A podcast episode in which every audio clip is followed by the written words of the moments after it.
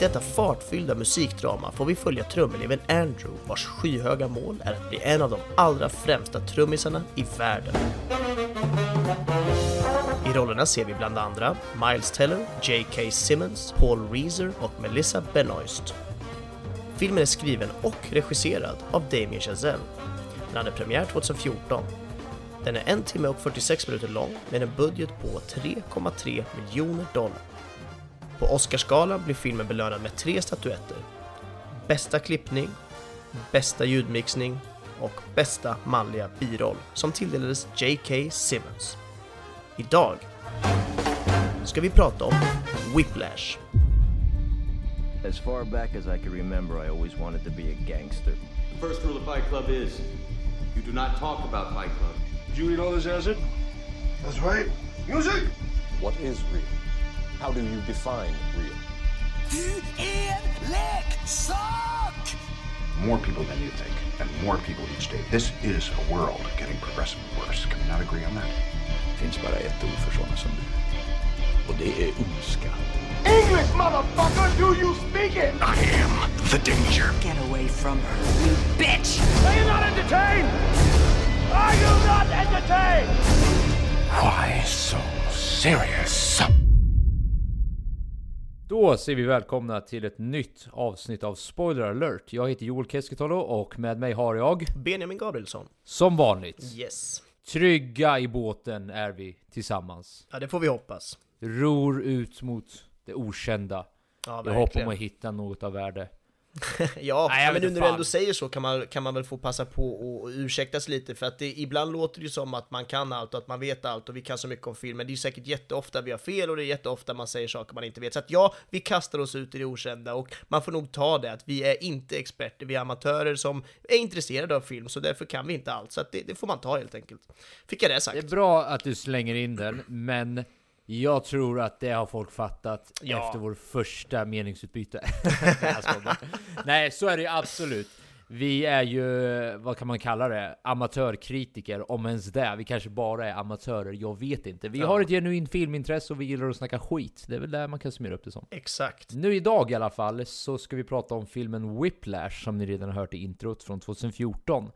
Eh, och eh, det var din tur att välja, så jag är faktiskt nyfiken på hur och varför det blev den här rullen. Take it away. Ja, men det var ju som så att vi gick och såg eh, First Man på bio.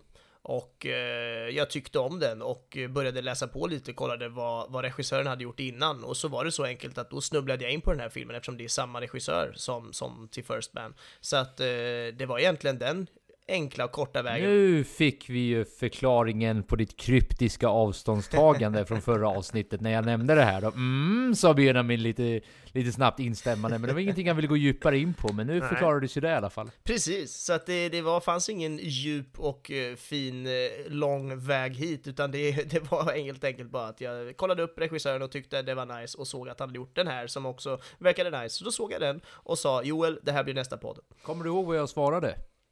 Ehm, nej. Dra åt helvete? Nej jag skojar.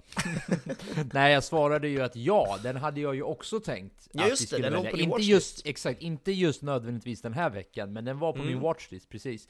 Och jag har suttit länge och funderat på hur den hamnade där, och jag har ärligt talat inte kommit på hur den hamnade där, men Nej. troligtvis har jag fått en rekommendation av någon kompis som jag litar Ja. väldigt mycket på, för annars hade den nog inte hamnat i, i just den där. Alltså jag, jag har liksom olika kolumner, där jag har ena kolumnen är rekommendationer från polare, och den andra är bara du vet så här, filmer jag själv har Ja, snappat upp bara för att kunna se. Och ibland brukar jag skriva en liten notering vem det är som är rekommenderat också, för det är alltid Ja, lite kul. Då vet smart. man ändå, ah, det är den här killen, han har den här sortens smak kanske, eller den här Mm. tjejen, kan, jag kanske kan förvänta mig den här sortens film, och så vidare. Och då Ja. kan jag också skriva en rad efter och säga att ah, jag såg filmen du tipsade om, det var nice, eller inte, och så vidare.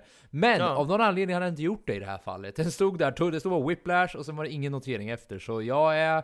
Det är ett mysterium fortfarande varför den fanns på min lista. Mm. Ja men vad kul, bra att den fanns där, för det är en film som jag inte ångrar att jag har sett om man säger så. Nej, men låt oss då dyka in i känslorna medan under slash efter filmtittandet. Vi har ju det här segmentet att vi alltid brukar gå igenom just känslorna man har under eller efter tittandet. För vi har kommit på att det där kan ibland skilja sig lite från vad man sen tycker om filmen. Ibland kan man bli golvad av en film för att sen re- vid reflektioner inse att den kanske inte var så jättebra. Och det kan, då kan det vara en intressant diskussion i sig och för, fundera på varför blev jag så tagen när jag egentligen tycker att den är ganska dålig. Eller vis andra hållet kan det vara till exempel, att man kanske i början inte tyckte den var så bra, men sen fick man reflektera lite och sen insåg man att jo, den var faktiskt ganska bra. Så det, det är tanken med det här segmentet. Så, med den lilla ranten, vad var dina tankar under eller efter den här filmen? Ja, men, men det var, jag var inte helt såld faktiskt till en början. Eh, eller så här, jag gillade stilen och jag gillade hur den var gjord, men jag var inte helt såld på, på storyn och på sättet de valde att, att ta fram den här storyn för oss. Och därför så kände jag väl att det var någonting som växte på mig och det var någonting som under filmens gång bara blev bättre och bättre och starkare och starkare och jag landar till slut i, efter att jag såg den, så var det wow, jag älskar den här filmen. Så att eh, jag kanske inte är i lika sådär, jag älskar, älskar den nu så här ett par dagar senare som du precis nämnde att man brukar ändra sin uppfattning lite grann, men den är fortfarande en film jag tycker väldigt mycket om. Jag ska nog ändå säga att jag älskar den. Vad intressant, för du verkar vara jävligt trögfattad måste jag säga. Att det Alltså? tog dig så långt att inse att den var så bra. Jag blev nämligen golvad det, nej, Ja, inte okej. direkt blev jag inte. Skämt Mm. åsido, jag säger inte att du är trögfattad obviously. Nej, det förstår jag, men det kan jag ta. Men, I'm just saying att jag hade, jag blev, alltså, jag skrattar till och med själv nu åt min egen reaktion till den här filmen, för jag typ jag satt i min datorstol här och jag reste mig upp flera gånger under filmen och jag Ja. började så här, trumma på mina ben och Nice! jag skrattade högt flera gånger och jag typ sa 'Fuck you!' Alla de där grejerna, jag var Ja. så tagen och jag blev, jag blev specifikt tagen av scenen då han, den här musikläraren då, han heter ju Fletcher va, tror jag han heter Mm. i filmen, då han kommer in inte den absolut första gången när han konfronterar Andrew som sitter och trummar själv. Ja, det är första när han- scenen. Det, ja, exakt, det kanske är första, första scenen. Det är inte då som jag blev riktigt golvad, utan det är scenen när Andrew har blivit eh, uttagen till, till hans eh, liksom band, hans grupp där. Ja. Och man får se hur intensiv, och vi kommer obviously gå in på det.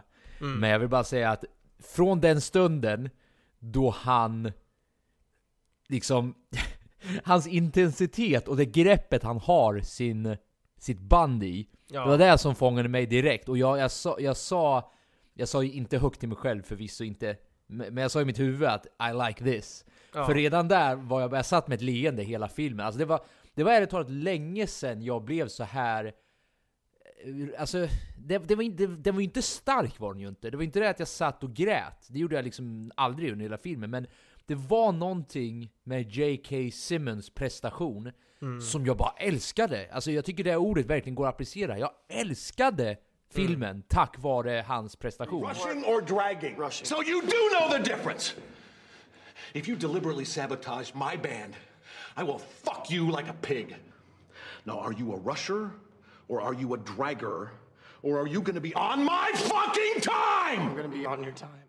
Ehm, så en av de bättre på länge om man ska vara helt ärlig. Det, det var mina känslor direkt då under Ja, själva tittandet. Vad roligt. Jag är helt med dig. Och för, för att försvara mig själv lite då, så, så var det inte så att jag tyckte att den var dålig eller att jag inte tyckte om den i början, för det gjorde jag. Men det var just en faktor som gjorde att jag kände, ah, är det inte lite överdrivet? Och det var just hur hård han var som lärare. Så tyckte jag att, men är inte det här lite så här overkill? Vadå, kastar han stolar på elever? Come on, liksom. Det var sådana grejer som ändå fick mig att bli, jag fick en tvekan i min, min spontana kärlek till filmen. Men eh, eh, jag kommer komma in lite mer på varför, men, men det var verkligen, jag landade i att jag ändå älskade den till slut. Ja, så låt oss eh, då dyka in i vad det är Ja. vi gillar med den här filmen så mycket.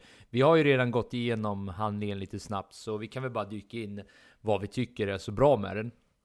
Och eh, alltså om vi bara kastar, om vi bara tar oss från början. Alltså det jag gillar right off the bat, det är ju det här kontextlösa och det här vi har pratat om i tidigare avsnitt, det här show don't tell. För filmen både börjar och slutar på det sättet. Det börjar Exakt. mitt i ett skeende. Och det slutar mitt i ett skeende. Och däremellan så händer det jättemycket saker. Men In medias res, som det heter i filmvärlden. vad heter det för något? In medias res, det är alltså latin och betyder i händelsernas mitt. Och är just ah. när en film börjar mitt in the fucking shit. Alltså det, du, du, du får ingen prestation av någon, du, du är bara där, du är mitt inne i storyn helt plötsligt. Häftigt, jag hade ingen aning om att det fanns, eller nu när du säger det så kunde jag gissa att det fanns ett sånt uttryck, men ja, eh, ja ser, man lär sig något nytt varje dag. Jag nämnde det faktiskt på Tjuvheder-podden, men ah, eh, det är lätt att glömma sånt, för det är sånt mm. trams som till och med jag ofta glömmer, men då får man läsa på i sina gamla skolpapper. Det är bra, och eh, det är ju allmänt bevisat också att man måste ibland nöta information för att det verkligen ska sätta sig. Ja, och det, det du precis sa nu kan man väl verkligen relatera till den här filmen. Snacka om att nöta. Snacka om att nöta, precis. Men jag tänker, jag tänker passa över bollen till dig där. Alltså, mm. bara inledningsvis, jag tycker det var perfekt just för den här filmen att kasta oss in på det här ja, sättet. Vad säger ja, du? Ja. Ja, verkligen, jag håller helt med. Och det var väl där också som jag kände att wow, det här är någonting. Det är någonting när vi bara får komma in dit, vi bara, det liksom börjar med lång åkning i den här korridoren eh, mot, mot trumsetet och han sitter där och bara matar trumvirvlar liksom. Är det är otroligt vilken eh, känsla, vilken spänning de bygger upp utan att det egentligen är speciellt spännande. Det är en snubbe som sitter och spelar trummor, men de får det att bli som att nu jävlar händer det något. Så att det, äh, det var otroligt snyggt. Eh, vi kommer så såklart komma så mycket mer in på det tekniska, men det är ja, väldigt ja, stark alltså, öppning. Det är väldigt svårt för mig, känner jag nu, att prata om filmen utan att röra på det tekniska. Det och vi, har ju, vi har ju sagt det tidigare också, att de, de går ju in i varandra, men jag ska ja. göra mitt bästa för att ändå inte... Vi kan försöka, men det kommer att bli oundvikligen så att vi kommer att snudda in på det tekniska under det vanliga filmpratet, så att säga. Men kör Precis. Hårt. Nej, för det jag skulle säga är ju att det går ju inte att undvika att J.K. Simmons och Fletcher, eller jag ska inte säga det som ett faktapåstående. Det här är min åsikt. Men filmen är, alltså Miles Teller i all ära, han var också riktigt bra. Men den här filmen är J.K. Simmons film. You are a worthless, friendless, faggot-lipped little piece of shit whose mommy left daddy when she figured out he wasn't Eugene O'Neill, and who is now weeping and slobbering all over my drum set like a fucking nine-year-old girl. So for the final father-fucking time, say it louder! I'm upset! Alltså från första stunden, eller andra stunden blir det ju, Ja, man kan nog ändå säga första stunden också. Jesus fucking Christ! Men från första stunden den här Fletcher-karaktären då kliver in, mm. så äger han rummet. Och han ja. äger varenda scen han mm. är med i sen. Alltså jag överdriver inte nu, utan varenda scen mm. man ser honom i, så har han tagit över den scenen och det rummet och allting. Och om man bara tar vad det är som gör honom till den här figuren, så är det ju ett par egenskaper han besitter.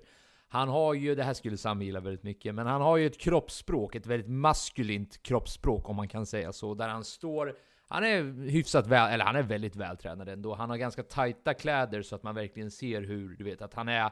Han är ju inte en jätte, är han ju inte. Men han är liksom rippad, kanske, kanske man kan Speciellt säga. Speciellt för sin ålder också. Speciellt för sin ålder också. Han är liksom, eh, vad ska man säga, healthy. Och redan mm. där är det ju liksom, eh, ja men fysiskt, eh, vad ska man säga, intimidating. Jag har inte det svenska ordet just nu för det, men typ så skrämmande lite. Det är lite mm. såhär, oh, man får automatiskt lite halvrespekt ändå för någon som är muskulös. Eller jag får det i alla fall. Det blir ändå lite ja. såhär, eh, någon sorts känsla av superiority Säger nästan. Själv. Ja, eller hur? Du vet ju det. Eller det gör du ju inte alls, din jävla Nej, jag skojar Nej men så, så, så, så, så, så där, he, he has that going for himself. Mm. Men han har ju också alltså sitt sätt att nå, för vi, vi kan komma in på sen vad det är han försöker göra genom den här stilen, men han har ju sin lärarstil, om man kan kalla det så, och hans den här int intensiva jag, jag, kan, jag, kan, knappt sätta ord på vad det är, men det är någonting med hans den här intensiva attityden, den här skräckinjagande attityden och hans, hans, hans sätt att äga rummet som eh, som stjäl de här scenerna för mig. Then why the fuck didn't you say so? Mm. Och, eh, ja, vad tycker jag, innan jag fortsätter, vad tycker du? Om, om vi bara fokuserar lite på just Fletcher som karaktär. Håller du för det första med mig om min analys här att han stjäl varenda scen han är med i? Och om du gör det, vad är det som gör att han är den figuren han är? Ja, eh, jag håller helt med dig. Det gör han verkligen. Det är ju han eh, på något sätt som bär den här filmen, den karaktären han gör, är ju som du säger skräckinjagande samtidigt som man ändå vill se mer. Det är någon slags blandning där med hat och kärlek som, som är spännande, minst sagt, att titta på. Mm, men, eh, vad var din fråga? Förlåt. Min fråga är, vad tycker du är, vad är det som gör han vad, vad, vilka kvaliteter besitter han som gör han till den här skräckinjagande figuren? Varför har vi sån respekt för honom? Do I look like a double fucking rainbow to you? Ja, men det är nog just för att han är ju hemsk. Alltså, han är ju riktigt jävla elak. Alltså, han hade ju aldrig kunnat vara lärare i Sverige, höll jag på att säga, där man liksom så här ska gå till facket så fort man får en sten i skon. Det hade ju inte funkat, utan det här är ju liksom New Yorks bästa musikskola, vilket betyder världens bästa musikskola i princip, vilket då betyder att alla som går där gör allt för att bli en av de bästa. Och, och då kommer ju inte en lärare som kastar en stol mot ditt huvud att stoppa det, utan du kommer sitta där och träna dina jävla trum åttondelar eller vad det nu är. Så att, så att du, nej, men jag tror att det är just det där att han är så overklig i, sin, i sitt agerande som gör att man, man, ja, man kan inte slita sig från honom. You hear me, cocksuckers? You better start shitting me perfect 400s. Connolly, get your fucking ass back on the kit. Och det som är grejen tror jag också, att det som gör att det här funkar är ju att han kan ju backa upp det här också. Jag tror att det är en, vikt, en av de viktigaste egenskaperna för att kunna bete sig så här. För som du säger, att till och med för en New York standard så är ju det här grovt ju. Han får ju sparken sen på grund av att han ju typ hetsat elever till självmord. Ja. Just för att han vill nå den här perfektionen. Mm.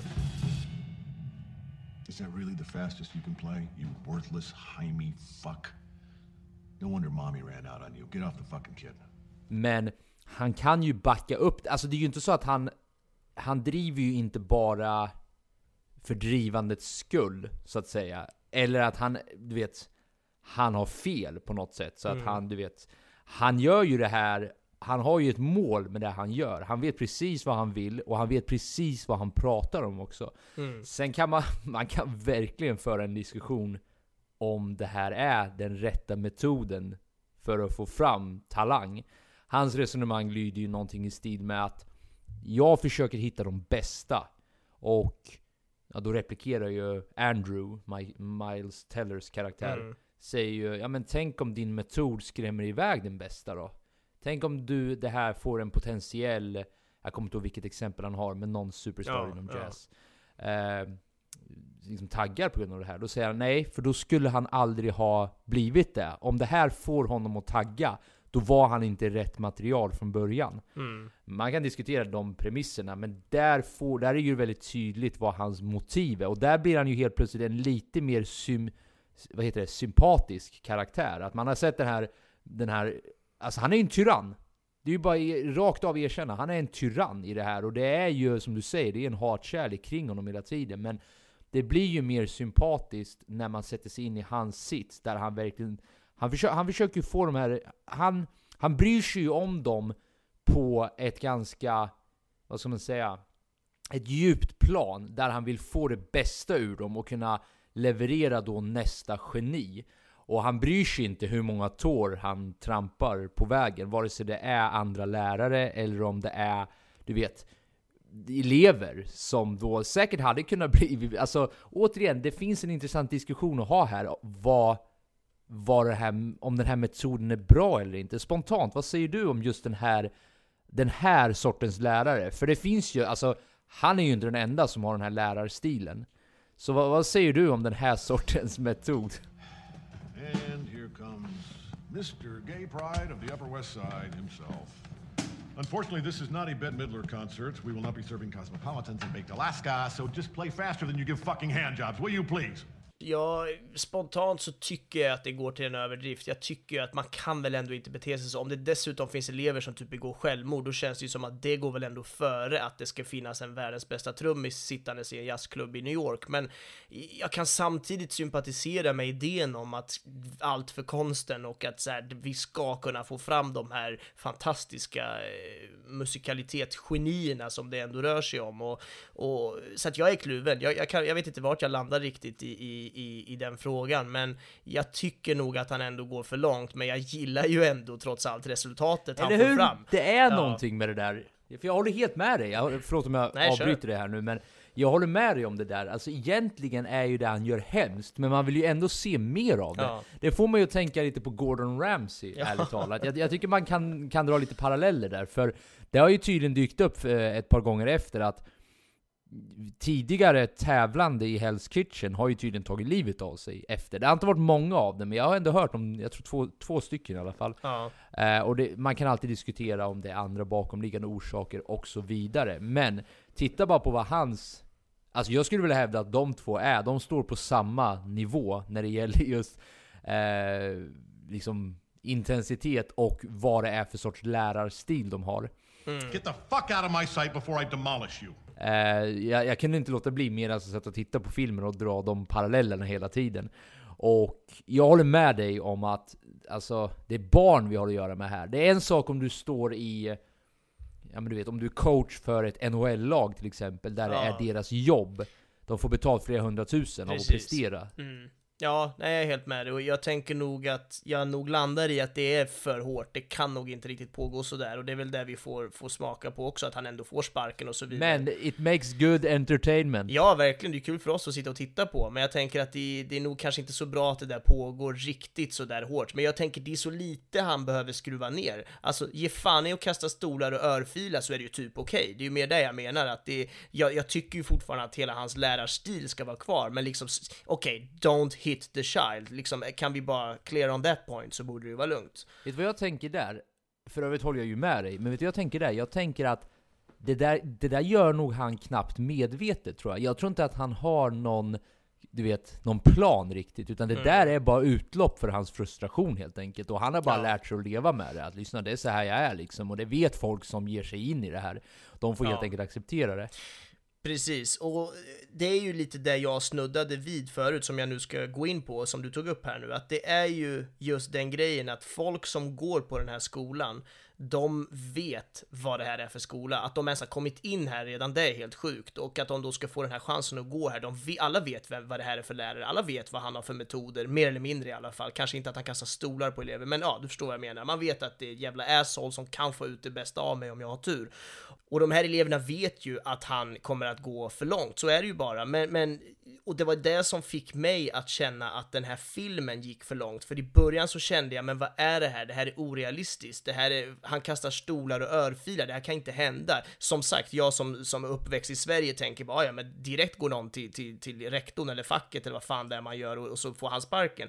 Men det vill de inte för då tappar ju även eleverna sin den här världschansen att bli den här unika artisten som de kan bli. Så att det var väl det som fick mig helt enkelt att vända från att tycka att det här var lite överdrivet till att ändå känna att "Nej, men det här är nog ändå rimligt i, i, så här, i, på ett ställe, typ i New York, typ på världens bästa musikskola, så kan det här nog ändå kanske ske. Så, så ja, men jag landar nog ändå i att det är rimligt. Det är kanske fel, det är nog galet, men det är nog ändå ganska rimligt. Jag tänker att eh, det, det där med att alla förväntar sig mer eller mindre det här, eller de vet i alla fall vad det är, liksom vad de, ja, vad de ger sig in på, lite i Ja. alla fall. Han vet ju inte riktigt det, men han kommer ju... Alltså han, han blir ju slagen ett par gånger i ansiktet. Han har ju alla tillfällen i världen att tagga efter det. Han kan ju bara lyssna. Vad fan är det här? Ja, är du helt galen precis. eller? Han hade ju bara kunnat resa sig upp och gått. Men Exakt. han, han vill ju också lära sig av den här. Det är så här, du får tåla det här. Det Ja. här är så jag får ur den, det bästa ur dig. Så Mm. du får antingen leva med det, eller get the fuck out. Alltså det är ju ingen som tvingar dig att vara kvar här. Och jag tycker det finns... Det, du vet, den, den scenen då han först blir slagen i ansiktet flera gånger och han börjar ju gråta och allting. Det är ju jätteintensivt. Och han typ säger typ så här: uh, Are you upset? Yes I'm upset. Så här, Say it to the entire band. Så här, och då, då Ja. får man se hur kameran vad heter det, switchar lite snabbt till de andra bandmedlemmarna. Och då, då sitter ju alla, med, eller nästan alla, med nerböjt huvud. Och de sneglar lite snabbt på varandra. Och det är inte så att de skrattar, utan det är snarare så, typ så här. Bro, we've been there. Vi vet vad det där är för någonting. Alltså, eh, alltså man får Ja. inte, det är ju inte så mycket dynamik mellan bandmedlemmarna, förutom då den här trum, alltså trummisarna har ju någon Ja. sorts rivalitet mellan dem. Men resten av gänget, de interagerar ju inte jättemycket med vår Andrew, huvudkaraktär liksom. Nej. Men det räcker där för mig, när de tittar på varandra lite snabbt, för att inse att We're all in this together i någon jävla mening. Vi har alla gått igenom den där, alltså den där pressen. Så det finns Ja. ingen som skulle håna honom för det. För de flesta har säkert brustit ut i tårar de också. Alltså det, Mm. det han gör i, alltså förlåt nu om jag rantar på, men jag, jag gillar det så jäkla mycket bara. Det han gör i början mot den där stackars, ja som han kallar honom, jävla, han typ säger tjockis till honom och allting. I've carried your fat ass for too long, Mets. I'm not gonna have you cost us a competition because your mind's on a fucking happy meal instead of on pitch. Han får dem att tro att det var han som var out of tune, för att då, där Ja. slänga ut honom, efter att han har fått honom att börja gråta, kallar honom de värsta sjuka sakerna. Bara för att det sen inte ens var han som var out of tune, utan det, det räckte med att han inte visste att det inte var han. Det räckte liksom Ja. för att slänga ut honom. Jag vet inte om jag skulle komma någon speciell, eh, till någon speciell plats. Nej men det är väl en slags sammanfattning av vilken hemsk slash fantastisk lärare det här är. Så att, eh, men vi måste nästan gå vidare nu för vi pratar väldigt mycket om honom. Um, nej men, jag gillade verkligen hela grejen med att det är hemma hos familjen, med att det är, det är svårt att vara den som ska hålla på med det här kreativa, konstnärliga, du ska hålla på med musik, att det kommer direkt någon och ifrågasätter, ja, finns det någon säker framtid inom det, eller vad, vad, vad, vad kan du göra med det här, kolla på de här två, de har massa vänner till att börja med, du verkar ju vara mobbad basically, och, och att du, eh, ja, de håller på med sport och det är liksom, det, det finns framtid och de är duktiga, de har vänner, och bara hela den grejen med att det, det är så nedtryckt redan i samhället att hålla på med någonting så här kreativt, konstnärligt, musik, film, vad det nu är. Så jag kan ju själv känna igen mig i Ska det. du att inte skaffa ett riktigt jobb? Precis, precis. Det är ju verkligen det man känner. Och man känner ju ibland när jag liksom pratar med folk och de typ, ja ah, vad pluggar du? Ja men jag pluggar film och de är typ så här, jaha vad blir man då? Och ja, jag kan förstå den tanken för det är inte så att det är självklart vad man blir då. Men man får inte glömma heller vilken jätteindustri till exempel filmvärlden är och hur många olika jobb det finns där inom och så vidare. Men det jag menar bara är att det, jag tyckte det var bra att de tog med den aspekten att han liksom var det där udda barnet som, som sågs som att inte ha någon framtid. Men eh, ändå, ändå går han på världens bästa musikskola och kommer troligtvis bli en av världens bästa trummisar. Och hela familjen sitter liksom och hånar honom basically för, för, att, han, ja, för att han håller på med musik. Ja, Jag tycker det var bra att de Nej, men tog det är med som det. du säger, det är, vad heter det, på något sätt är det för, för, för människor som inte är lika insatta i det, och jag är ju ärligt talat en av dem också. Jag, alltså, jag, jag är ju inte i närheten av insatt som, jag, som de som är insatta är, såklart. Men de som inte är insatta, för dem är det ju ofta mer, det är så abstrakt allting, och det, det, det blir nästan flummigt på något sätt kan Ja. jag tänka mig. Och då blir det det här Ja, men när har du lekt färdigt då? Ska du inte skaffa dig det? Och jag, jag tänkte Mm. faktiskt åter på dig också då att eh, du, du har ju en familj som är lite mer, vad ska man säga, kulturinriktad. Ja, verkligen. Så jag kan tänka mig att du inte stöter på och nu, nu, nu säger jag inte att du försöker bli mästartrummis, men du har ju inte heller valt den här spikraka, du vet 9 to 5 vägen, utan du utbildar dig ju för att kunna bli någonting inom film, vilket Mm. är liksom kultur, kulturellt i allra högsta grad. Mm. Så eh, jag kan tänka mig att det appealar dig till det. Men du, av just de anledningarna så kan jag tänka mig att, eller har du blivit ifrågasatt tidigare på det här sättet i, ja men typ när du, du, du var ju inne ett tag och ville bli skådespelare, kanske till viss del Ja. har de tankarna fortfarande, Mm. du pluggar ju som sagt nu. Får du någon sorts, eh, eller du kanske har de självtvivlen också? Eller hur tänker du kring det? Nej, men- Om man bara slänga in en snabb sån. Ja, absolut. Nej, men jag har verkligen stött på sådana saker. Aldrig från min familj. Min familj är superstöttande och de har ju dessutom egna erfarenheter. Båda jobbar ju, alltså båda mina föräldrar jobbar ju med, inom kultur, så att det, för de har, de har ju alltid stöttat mig jättemycket. Men, men just att andra människor kan ju ofta tänka att, ja, vad pluggar du? Ja, film, okej. Man bara märker på tonen att det blir så här, vad, vad gör du? Vad gör Den är liksom då? inte med i listan av saker man Nej, borde för göra. folk ser film som ett nöje. De ser film som en kul grej du sätter på på kvällen. De Ja, tänker hobby, inte att det liksom. finns ett, ja, de tänker inte att det finns ett yrke där bakom. De tänker inte för att det finns hundratals människor som har jobbat med den här filmen och liksom får, får löner och allt vad det nu är. Så att det finns ju någonting med att folk tycker att, ja, okej, och, och har du någon plan B då har jag fått höra många gånger. Okej, så, så när du inte blir den här skådisen eller, eller film, vad du nu ska bli, regissör, alltså så, eftersom jag inte riktigt själv vet vad inom film jag ska jobba med, så, så säger ju folk alltid att, ja men har du en plan B då? Har du någonting? Har du ett 9 to 5 jobb eller något som du kan gå till? Och då känner jag, nej, jag, jag vill liksom inte ha den plan B heller, för det är det här som gäller. Jag vill jobba med film och då, då måste jag ändå få, få, få trycka på det och få brinna för det. Jag kanske hade behövt en sån jävla lärare som stod och örfilade mig. Eh, antagligen inte, för nu vill jag ju hålla på med det här ändå, men jag kan ändå känna det där känner man i samhället, he- helt enkelt. Det är det jag menar, Ja. därför jag tog upp det här med just eh, ifall man blir självkritisk. För jag brukar tänka så här att de tankar man har och sättet man beter sig och allt det där är ju en, för att man är ju en del av ett samhälle. Mm. Så har man de här självtvivlen så beror ju det på att man man är ju hela tiden orolig för vad andra ska tycka om en. Ja, så det man verkligen. tänker är ju hela tiden att kommer det här leda till någonting accepta- socialt acceptabelt Mm. liksom? Och kommer jag orka förklara att jag läser filosofi? Ja, Mm. ah, okej, du sitter och flummar alltså. Så här, Ja, det kanske jag gör, men jag tycker det är kul, jag tycker det är intressant och jag utvecklas ändå så här. Men återigen, det är för obskyrt för folk. Ja. Folk är oftast mer, och jag ska inte heller övergeneralisera, det finns jättemånga som är jätteförstående och som själv håller på med det här, jada, jada, jada, jada. Men jag kan ändå tänka mig att för människor som inte håller på med sånt här Mm. och som har den här så kallade trygga vägen. Mm. Vi är ju också väldigt dömande som människor liksom. Mm. Jag vill egentligen inte snöa in för mycket på det, men det, det jag ville säga lite om den där scenen bara Ja. innan vi lämnar den, är att Ironiskt, det var lustigt att du lyfte den scenen, för jag håller med dig om att det var, det var bra att vi fick med den delen med i filmen, Ja. att vi fick se hans familjesituation. Men tycker du inte det blev lite mycket kring det där middagsbordet? Det var så jävla uppenbart vad den här konflikten bestod Mm. i. Det var verkligen farsan, teacher of the year, Mm. brodern spelar för något fotbollslag, andra brodern var också framgångsrik. Det var så här. Det var verkligen alla mot honom. Ja. Jag, vet inte, jag fick någon konstig känsla av att det räcker typ, jag fattar poängen med det här. Det hade räckt med en blick så hade jag förstått att okej, det finns en konflikt här just med tanke på vad han håller på Eller, eh, förstår du vad jag menar? Ja, jag förstår vad du menar och jag håller inte Ja. med dig alls. Eh, Jag tycker att den scenen... Fan vad nice. Eh, För en gångs skull håller vi inte med den. Nej men jag tycker att den scenen behövdes verkligen och jag tycker att den, jag, jag, jag kände att så där är det. Jag har suttit i liknande situationer. Det, här kan jag verkligen tänka mig om du dessutom är med din familj. Jag har aldrig stött på att min familj är emot mig, men jag, de gångerna man mest sitter och kan ha liksom så här vassa samtal mot varandra är ju med familjemedlemmar och liknande som man känner bra. Att den här familjen då alla har andra intressen och tycker ju typ att musik är lite larvigt eller när ska du skaffa ett riktigt jobb typ.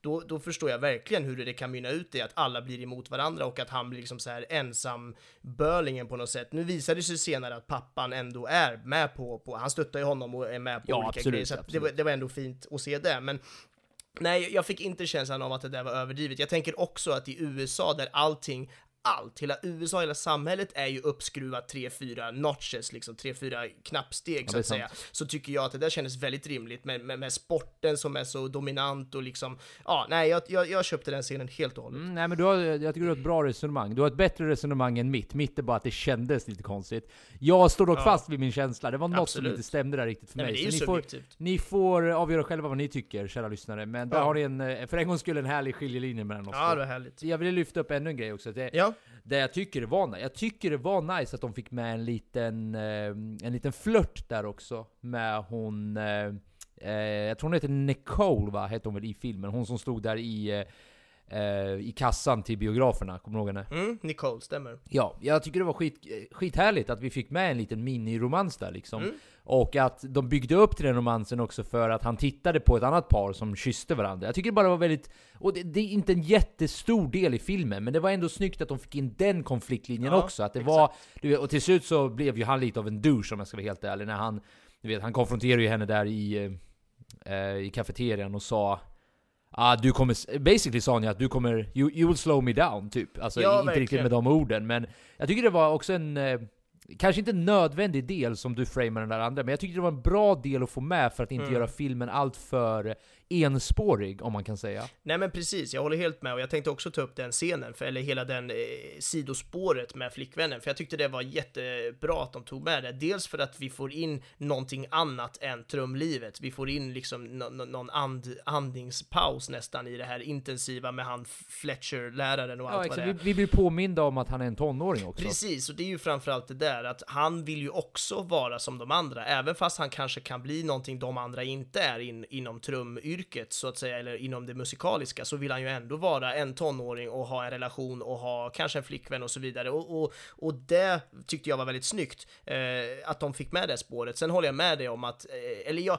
jag jag håller med dig om att han, han dumpade henne på ett osnyggt sätt, men jag kan samtidigt verkligen förstå hur han tänker när han har det där målsättningen som han har. Han absolut, ska absolut. bli det allt det där. ifrågasätter jag verkligen inte, det håller jag helt med dig om. Nej men precis, och han ska bli liksom den där trummisen. Eh, och, och jag tycker också om att de tog med det, eh, att, att han var tvungen att ta det här samtalet med henne och att, att det blev på det sättet. Jag gillade allt det där. Sen var det ju klantigt som han sa det på, man hade kunnat gjort det på ett snyggare sätt. Det kanske hade varit nödvändigt att inte ens säga hela sanningen här för att på något sätt lindra det hela på något sätt. Men ja, jag, jag, jag köpte det och jag tyckte det var Ja, ja, svinbra ja. att det För, var för med. vad som är viktigt att ringa in där är att jag håller med dig, men det var inte nödvändigtvis dåligt för filmen. Nej, nej. Att vi, vi kan ju sitta och tycka att det här hade den kunnat skött bättre, men Ja, guess what? Så där är människor. Människor som Verkligen. är under extrem stress dessutom.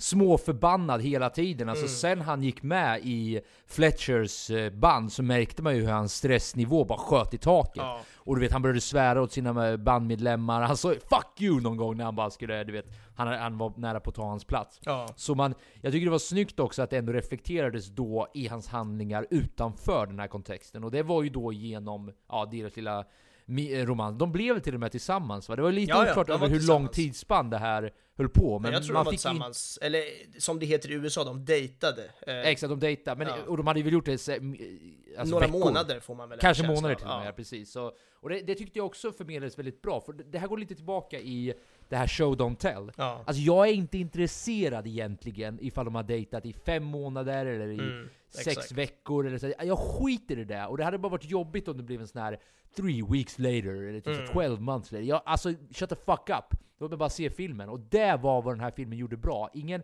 det var det jag nämnde inledningsvis också. Inget intro och inget outro. Perfekt! Alltså jag Ja. älskar det upplägget. Bara släng in oss skiten. Men då är ju förutsättningarna att man också då kan det här show don't tell. Då Ja. måste ni ju kunna visa oss då vad fan det handlar om. Alltså man Mm. kan ju inte bara slänga in folk och sen inte förklara någonting. Förklaringen sker ju som sagt genom att visa saker, men Mm. det skötte de ju väldigt bra. Precis, och det är det en sån här film bygger på. Det var vi inne på på Tjuveder också, men det bygger på att det är ett svinbra manus, att man ska kunna förstå all handling utan att få den här klassiska karaktärspresentationen som det är i början på mer vanliga inom citattecken filmer. Så, så att, att kunna få det här att flyga utan en sån där tydlig karaktärspresentation, det är väldigt bra jobbat, verkligen. Och jag måste säga längden på filmen också, nu snurrar vi lite på det tekniska också. Jag hade inte kunnat krävt det. Det, det passar perfekt, jag tror det var 1.40 eller något liknande. Det har vi redan gått igenom i introt förvisso, men 1.46. 1.46, det var perfekt längd på just den här typen av film. Visst, jag hade, klart jag hade nöjt mig med 1.50 också, men du förstår, i, i den liksom, Ja, ja. tidsspannet. Det tror jag också var eh, smart i och med att den är så, som du säger, right in our face. Vi blir inkastade i den här situationen, vi går i, i extremt intensivt tempo. Det är hela tiden snabba tagningar, snabba klipp och det är liksom, det, man hade kanske inte orkat en halvtimme mer på den här filmen för att göra en djupare presentation eller fler dejter med flickvännen och så vidare. Så att jag tycker också att de, de höll sig inom en, en väldigt rimlig och eh, smart tidsram. Men övning ger färdighet. Fan vad man bara känner med honom. Jag tycker om att de hade med så många scener då han bara sitter och nöter och nöter och nöter och nöter tills det liksom blöder och allt fan vad det är. Och lyssnar på, du vet, CD-spelaren och med gamla trummisar så att han ska lära sig liksom. Ja, allting går ut på att vill du bli bäst så måste du verkligen öva och träna och, och nöta helt enkelt för att bli up there. Och, och jag gillade också att vi fick se mycket av det i filmen, för det är många filmer som annars, du vet, på ett kanske lite halvslarvigt sätt kan göra det med ett slags montage, att man till musik visar liksom små, små klipp på att han, du vet, slår på några trummor och sen helt plötsligt slår han lite snabbare och sen på ett, två, två sekunders klipp så är han helt plötsligt jätteduktig. Medan här var det ju ändå, hela filmen fick vi vara med i hans upplärningsprocess, och hur han bara blev bättre och bättre. Så det, det tyckte jag var väldigt snyggt. Ja, vi fick ju till och med se, som du sa under själva övningstillfället, hur det Ja. började blöda om fingrarna på honom. Och det kom blod på trummorna och allting. Och han bara fortsatte pressa och pressa och pressa och ja, som du Mm. säger, övning ger färdighet. Det är ju det hemligheten är. Det, talang i all ära, men har du inte, vad ska man säga, disciplinen att lägga timmarna på det. Ja. Det är alltid det, alltså som man, du vet jag, jag spelar ju Overwatch en del. Mm. Och jag tittar ju på så här, ligan, Overwatch League och eh, se- prosen spelar Mm. och så vidare. Och de får ju alltid frågan, hur blir man bra? Har ni några tips här? Och de säger alltså, allt Ja. ni behöver kommer komma automatiskt om ni Mm. bara spelar. Alltså det är det hemligheten är, ni måste lägga mycket tid på det. Ni kan inte komma runt det hur ni än försöker. Och jag tror att det där är en princip som håller i de allra Mm. flesta fall. Att jag har alltid tänkt att de som blir pros, och jag säger inte att det här är en generell regel liksom, utan det är bara jag som har tänkt det här. Men de som blir Mm. Professionella är de som har talangen, men som också Verkligen. har disciplinen att liksom kunna, Mm. vad ska man säga, vad heter det? Actualize, aktualisera Precis. den talangen. Att på något sätt förverkliga det man har inom sig. Men det kommer ju inte automatiskt, utan du Nej, behöver, nej. du kanske behöver en Fletcher som trycker in dig på Ja. rätt bana och bara är relentless vet du. Piskar dig verbalt, piskar dig liksom fysiskt för att du ska lägga ner de där timmarna. Verkligen, och det, det är ju precis som du säger, man kan dra många olika paralleller till sportvärlden, för där det handlar det just om det, att man pratar ofta om att de här största stjärnorna, åh han föddes med bollen vid sina fötter och han är en sån talang sedan han var liten. Ja, det kanske han var, men det hindrar ju inte från att han har stått där och sparkat mot en vägg liksom 10 000 gånger och bara nött och nött och nött för att också kunna bli en av de där allra världens bästa. Ett praktexempel på det är ju att det fanns en spelare som var när Ronaldo, Cristiano Ronaldo, alltså fotbollsspelaren, eh, när han var, när de, han var ung och så fanns en kille som hade, som var lika lovande som honom. De spelade liksom lika bra och, och alla tänkte de här två, nu jävlar, det kommer bli världens radarpar och de kommer vara så duktiga. Men den ena snubben då, alltså i, inte Ronaldo, han den andra, som vi idag inte ens vet vad han heter. Eh, Eh, ja, han hade inte disciplinen, han gjorde inte riktigt det där lilla extra som krävs. Ronaldo å andra sidan är ju en träningsmaskin utan dess like. Det enda han gör är att träna. Så att ja, där ser man ju den tydliga skillnaden, att det spelar ingen roll hur mycket talang du har när du är liten, du måste fortsätta öva för att du ska kunna bli up there with the big guys. 100%. Eh, en sista liten grej ja. då innan vi glider över på det tekniska, eh, och det är ju slutscenen. Eh, vi kommer att gå in på det, men du, du, har ju redan nämnt det här med, med att eh, den börjar och slutar bara mitt i alltihop. Och slutscenen är ju verkligen en sån där det bara slutar mitt i ingenstans. Och hela den scenen är helt fantastisk. Spoiler, jag kommer att välja den som min favoritscen, så har jag det sagt. Men det är just hur jävla bra den scenen är, men framför allt när deras blick blickar möts. Alltså... Mm. Fletcher och Andrew. Fletcher och Andrew, exakt. När deras blickar där i, i det här intensiva trumsolot, när det börjar lida mot sitt slut, så möts deras blickar och det, jag tror de klipper två eller tre gånger fram och tillbaka mellan deras blickar och då är det ju som att han säger då, äh, ja men typ, am I good enough? Typ, och han bara yes, ja, this is good enough. Och så får han den här bekräftelsen som han liksom alltid har velat haft och, och ah, det var bara jävligt snyggt att de fick med de blickarna. Det, det behövdes inte heller någon, du vet, så här scen efteråt där, vi, där de står och skakar hand och bara I'm sorry, oh yes, utan det hade ju bara blivit larvigt och kladdigt. Det där räckte, det var några blickar, we got it, next, boom, filmen är slut. Ah, det är ja, jag, jag är väldigt bra att du, jag är väldigt bra att du tog med den scenen faktiskt, för eh, det som gör den scenen så bra är ju att vi tillsammans med Andrew har ju väntat hela rullen på att få hans bekräftelse. Ja. Alltså vi har ju till slut blivit så här, vi, vi, vill ju ha hans ja, men bekräftelse, kärlek. Han är ju på Mm. något sätt så här, crème de la crème av det han gör. Så, och vi har ju sett hur mycket Andrew har fått lida. Så som du säger där, till och med den scenen börjar ju med att det håller på att bli ett fiasko. Men sen är det som att Andrew bara, alltså det här får bära eller brista nu. Jag kommer in och jag kommer spela skiten ur det där trumsetet.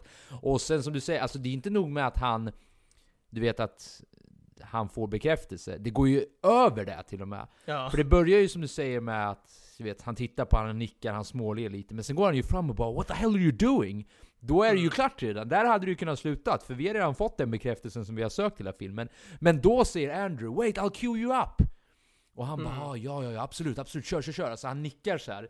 Och då liksom går han tillbaka och dirigerar hela bandet, backar lite och småler och sen är de ju igång igen liksom. Och det är där det slutar. Så jag tar det du säger, men jag skulle vilja lägga till ännu en nivå. Att det är mer än bara bekräftelse. Det är, han hittade talangen hos Andrew som han har sökt hela tiden. Att den Ja. fanns där trots allt. Precis, precis. Ja, det är jättesnyggt. Och det är någonting med hela den scenen att den börjar ju med det här misslyckandet. Och det är ju liksom mot slutet av filmen, så man förstår ju att nu är vi nära slutet. Vänta, ska det sluta med ett jättemagplats? Ska det sluta med att pappan är där och ska få se sin son vara en av de bästa Ja, New? York-trummisarna? Och så gör den här jävla... Jag vill svära så mycket nu. Den här jag, jävla... var, jag var nervös där ett tag, att Ja. det skulle sluta så. Ja, men den jävla läraren får honom att liksom skämmas ut inför alla de här människorna som han dessutom precis har sagt att det här är de största musikkritikerna i landet, i världen, så att gör ni bort er här så är er karriär över. Och vet man det nu med den premissen liksom, och så, så får han honom att göra bort sig. Men så vänder det ändå och blir det här fantastiska som man, som man eh, ändå ville att det skulle bli. Så att, ah, är så jävla bra scen. Verkligen. Och nu rör vi oss då till det tekniska. Ja. Och nämnde jag att jag tyckte att J.K. Simmons gjorde ett bra jobb som Fletcher? Ja, kanske Du sa nämnde någonting om det. det i början Ja, va? det gjorde du. Alltså, jag kan, jag kan på riktigt säga att alla andra i all ära, Miles Teller har inte jag, Jag tycker sett han gör det svinbra. Alltså han gör det bra, men Mm. problemet jag har med honom, och det här är bara min egna, mitt egna problem, det är att han har tyvärr fastnat i ett fack för mig. Aha. För jag har sett honom i douche-rollen ett par gånger nu, och han gör den rollen väldigt bra. Vilket gör att han är en douche för mig. Ja, exakt. Och ett litet sidospår på det är att jag har hört att han är väldigt douchig som person också, så det är säkert därför han har fått många sådana roller. du skulle inte ha sagt det där till Nej, mig. nu kommer du hata honom förstärker ännu ju mer. idén. Ja. Nej men alltså, ja, alltså ja, ja, ja, absolut. Han gör ett svinbra jobb. Alltså han gråter framför den här läraren då. Eh, Hans darrande läpp som jag har nämnt i tidigare avsnitt. Jag tycker det är snyggt hur de får med sådana detaljer. Mm. Men Nej, jag måste bara ge... han, han, är, han hamnar helt i skuggan för... Jag vet ärligt talat inte varför jag gillar J.K. Simmons så mycket som jag gör, för det här är verkligen...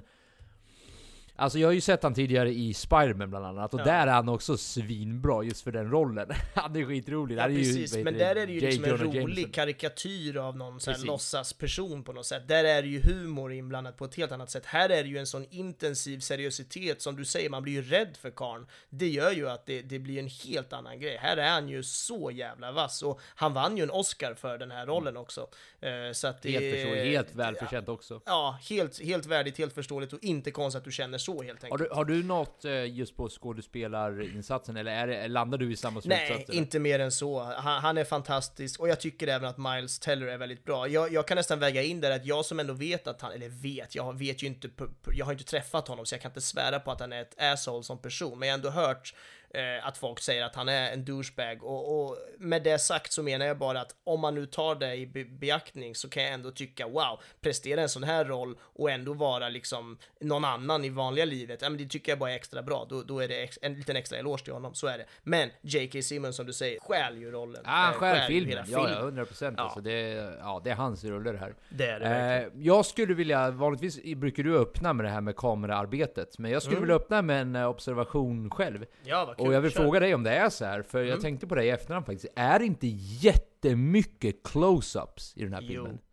Jättemycket. Take it away. Bra spaning Joel. Jag är ville bara notera att jag har sett det utan att höra det från dig.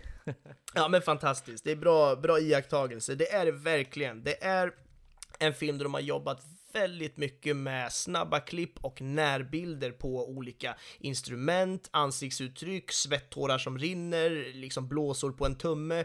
Men de jobbar konstant med det här och det funkar så bra i en film där det är så högt tempo och där trumman, eller trummorna, trumsetet, trumspelandet, vad man nu vill kalla det, är huvudfokus, huvudtemat. För det gör ju att det hela tiden går ett snabb takt i olika liksom ojämna takter också. Det är en rytm och ett tempo som förändras under tiden tidens gång, under filmens gång, vilket gör att det då passar så bra att klippa in olika väldigt, väldigt täta närbilder på, ja, som jag sa, olika instrument och, och trumpinnar och allt vad det är, i, i olika sådana här takter. Äh, är det ett så smart sätt att jobba med, med filmens bildliga medel och då få, dem, få det bildliga att jobba i samklang med, med det här eh, ljudmediet eh, som också då är så starkt i den här filmen. Så att nej, det är så bra jobbat. Och det är inte en slump att den här filmen fick en Oscar också för bästa klippning. För det är så intensivt klippjobb i den här filmen så det inte är sant. Nej, verkligen. Alltså det är som du säger, det, allt det, det här med close-ups och sådär. Jag tror att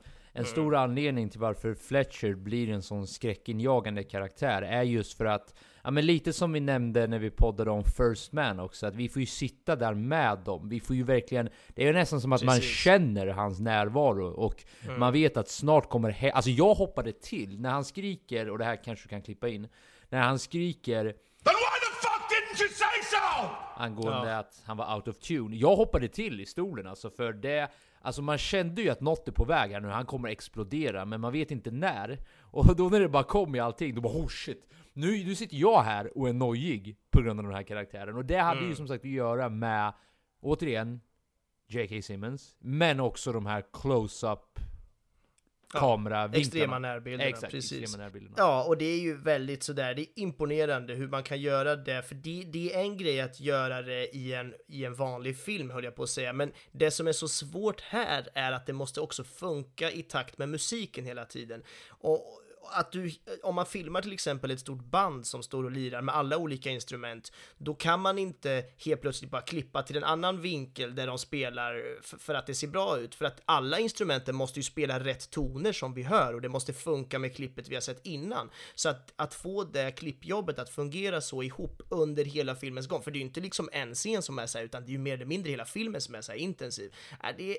otroligt bra jobbat. Jag kan inte ge mer cred till dem. Oscarsstatyetten är så välförtjänt för det här klippjobbet. Um, ja. En annan eh, detalj om eh, det tekniska. Du smsade mig när du hade valt den här filmen och skrev lyssna på den här, eller se den här filmen med dina hörlurar istället för högtalare. Ja. För du vet ju att jag har, jag har hyfsade hörlurar, men mina högtalare är värdelösa. Du har jättebra hörlurar. Ja. Varför var det viktigt? Ja, varför? Det är ju just för att det är så intensivt, att det är det här instrumentala, det är liksom riktig, jag höll på att säga livemusik, det är det såklart inte, men det är ju folk som spelar de här akustiska instrumenten och det blir någonting med det ljudet som måste finnas där och skapa det här rummet. Det blir ju ännu mer intensivt om du dessutom får ljudet som du hade till exempel fått på bio, att du, att du känner att hela allting runt omkring vibrerar och att du är inne i den här känslan. Det är så viktigt i en sån här här film. Jag, jag, jag mår nästan dåligt när jag tänker på att det finns folk som sitter och tittar på såna här filmer med typ såhär laptop-högtalare och bara ja ah, men det var en okej okay film. Ja det är klart som fan du tycker det när du liksom tog bort halva filmen av att inte lyssna med den på bra jävla ljud. Det finns inte nog med hur mycket jag kan prisa ljud i film för det, det är verkligen någonting jag brinner för men det är, ja, det var helt enkelt därför och jag antar att du förstår och inte ångrar att du körde med hörlurar på den här ja, filmen. Absolut inte, alltså som sagt det var ju givet när man insåg vilken film det var. Jag ska dock vara helt ärlig mot dig, jag började ju med att se den i, eh, i min soffa. men, men sen kom jag på, alltså så fort jag förstod vad filmen skulle handla om, så satte ja. jag mig direkt, för jag tänkte såhär, ah, men han kan inte ha sagt det av ingen anledning heller. Och det, det vore fett tråkigt om, för jag visste att du skulle fråga, såg du den med hörlurar? Och då skulle jag bara, ja, nej. Och det hade varit fett buskill. Men alltså, så delvis för att du inte skulle, vad heter det, snea ur. Ja. Men framförallt för att jag fattade ju värdet i det och jag ångrar ju definitivt inte. Alltså, Nej, det var ju bra musik, legit också. Alltså, jazz är ju ingenting jag lyssnar på. Jag skulle aldrig få för mig att dra på det. Nej, men precis. det var svinbra Du vet ju inte ens att det heter jazz på svenska. jazz. Jazz låter coolare. Jazz. Ja, det gör det. Allt låter jazz. coolare på engelska. Nej, ja, men precis.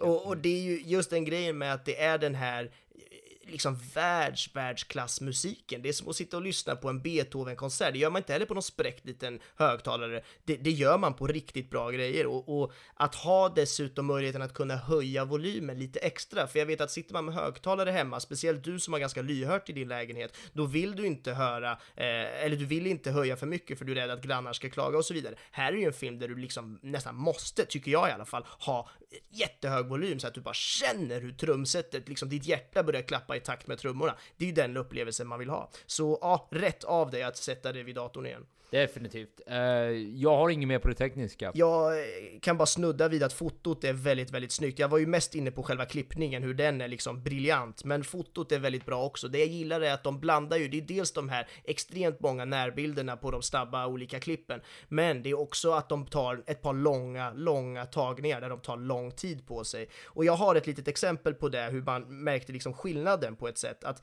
eh, när han eh, frågar ut den här tjejen på dejt, eh, då står ju de i, i den här bion som hon jobbar på, han går fram till kassan då är kameran statisk, den står fast på ett ställe och bara filmar av dem från sidan när han frågar henne på en dejt.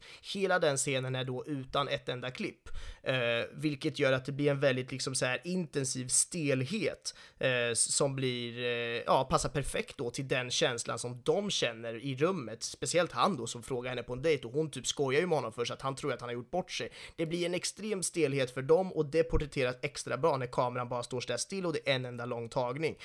Och det, sen då för att eh, som exempel, motexempel då är ju sen när han istället ska göra slut med henne. Då är sitter de på ett café och då är kameran eh, liksom så här, på, på varsin sida av dem. Så klipper de emellan de här olika klippen då på när hon pratar och han pratar. Och då blir det istället en helt annan typ av in intensitet, en, liksom en spänning som, som inte är den här stela spänningen som det var tidigare utan det blir en intensiv, nästan mer närgången, mer personlig spänning som passar väldigt bra då för att de känner varandra, de har en relation, det är den här relationen som är på, på, på spänn på något sätt. Och att, att kunna förmedla de här känslorna jag precis pratade om, kärleksrelationskänslor, med hjälp av kamerarbete och bildspråk. Då börjar man prata om att här är det liksom, här, här är de duktiga, här vet de vad de gör, både foto och regissör och så vidare. Så att det är, är det är tummen upp till det här, väldigt bra jobbat.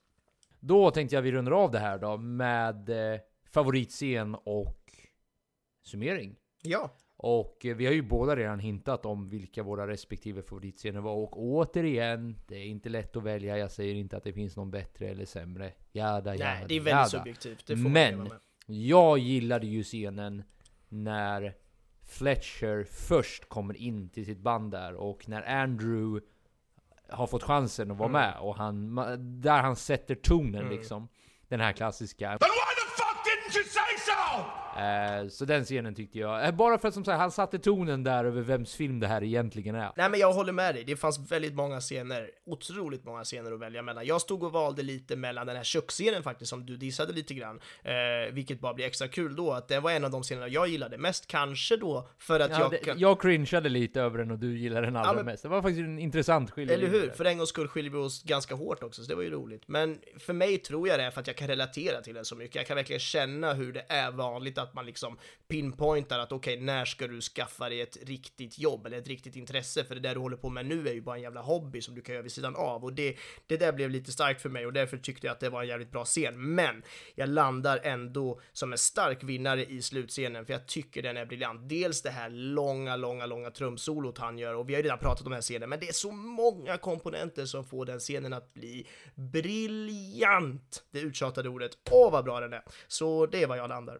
Okej, så summa summarum. Ja, det här var en av de... Alltså, jag vet, jag, jag har säkert sagt det här tidigare, men... Eh, jag vågar påstå att det här hamnar på min topp 10. Alltså, eh, hur svårt det nu än är att sätta ihop en topp 10. Men det säger ändå någonting över hur mycket jag gillar den här filmen.